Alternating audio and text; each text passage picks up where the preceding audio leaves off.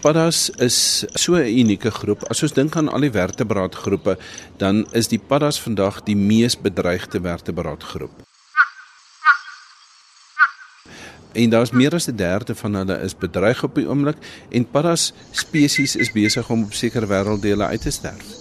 In Suid-Afrika is ons gelukkig. Ons het nog nie aanduiding van iets wat uitgesterf het nie, maar ons sit met 'n situasie dat ons weet op die oomblik van 170 verskillende spesies wat 'n baie ryk diversiteit is, maar ons weet ook daar's paddas wat nog nie eers bekend is aan die wetenskap nie. Hy sê klimaatsverandering en habitatsvernietiging is 'n groot bedreiging vir veral skaars paddaspesies.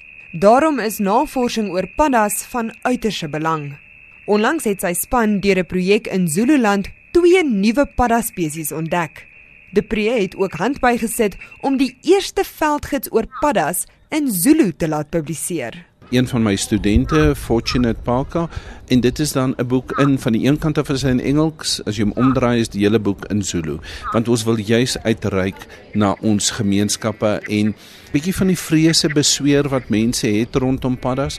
Weet daar's verskriklik baie bygelowe oor paddas en uh, mense dink hulle is giftig en en so aan en dodelik. Nou ek dit is so paddas het gif in die vel, maar da, ons het nie in Suid-Afrika 'n padda wat vir die mens enigstens gevaarlik is nie. De Pre het by die Oppenheimer de Beers groep Navorsingsberaad 'n voorlegging gedoen oor navorsing wat gedoen is by Debshan in Zimbabwe. Die eiendom behoort aan die Oppenheimers en is eintlik 'n beesplaas. Maar daar is baie vrae oor die paddas in die gebied. Wat kom daar voor en wat is die habitats vereistes van die paddas daar? Hoe reageer hulle? Watter tyd van die jaar broei hulle en so aan? So, omdat ons nie heeltyd daar kan wees nie, maak ons gebruik van wat ons noem song meters. Dis 'n geautomatiseerde bandopnemer wat ons programmeer en hy skakel elke middag 6uur aan en hy neem 10 minute uit elke uur op tot die volgende oggend 6uur en vir 'n hele jaar lank. So as 'n padda kwak weet ons dit. Hy sê al die data van die spesifieke studie moet nog verwerk word, maar hy is vol moed dat die finale bevindinge baie interessant gaan wees. Ek het 'n padda daar gesien wat ek nog nooit in my lewe gesien het nie. Uh een wat nie in Suid-Afrika voorkom nie, maar net daar in Zimbabwe. En dan is daar twee brulpaddas wat in die area voorkom en ons het 'n foto gekry van iemand wat brulpadda afgeneem het op Depshan plaas maar ons moet nou vasstel wat een van die twee dit is en daarvoor moet ons molekulêre studies doen. So die data wat ons kry gee vir ons 'n meer akkurate verspreiding van die spesies dat ons 'n beter idee het wat kom waarvoor.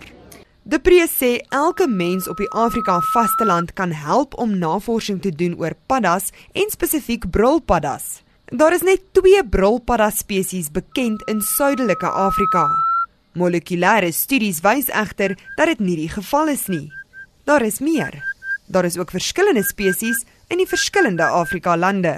So waar die publiek vir ons kan help is om wanneer brulpaddas broei en dit is nou hier tipies einde November, middel November na einde November broei brulpaddas, maar die broei aktiwiteit is gewoonlik net een dag. Partykeer op 'n baie goeie jaar sal hulle in Februarie maand weer broei. Wat ons die publiek vra is om asseblief nie brilpaddas dood te maak nie.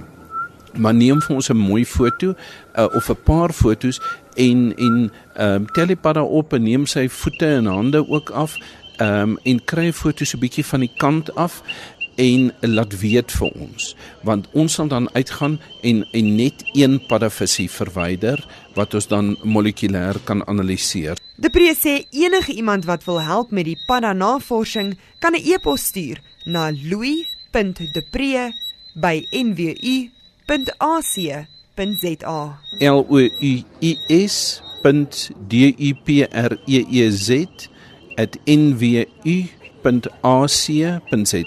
Professor Louis De Pre van die Noordwes Universiteit se departement dierkunde.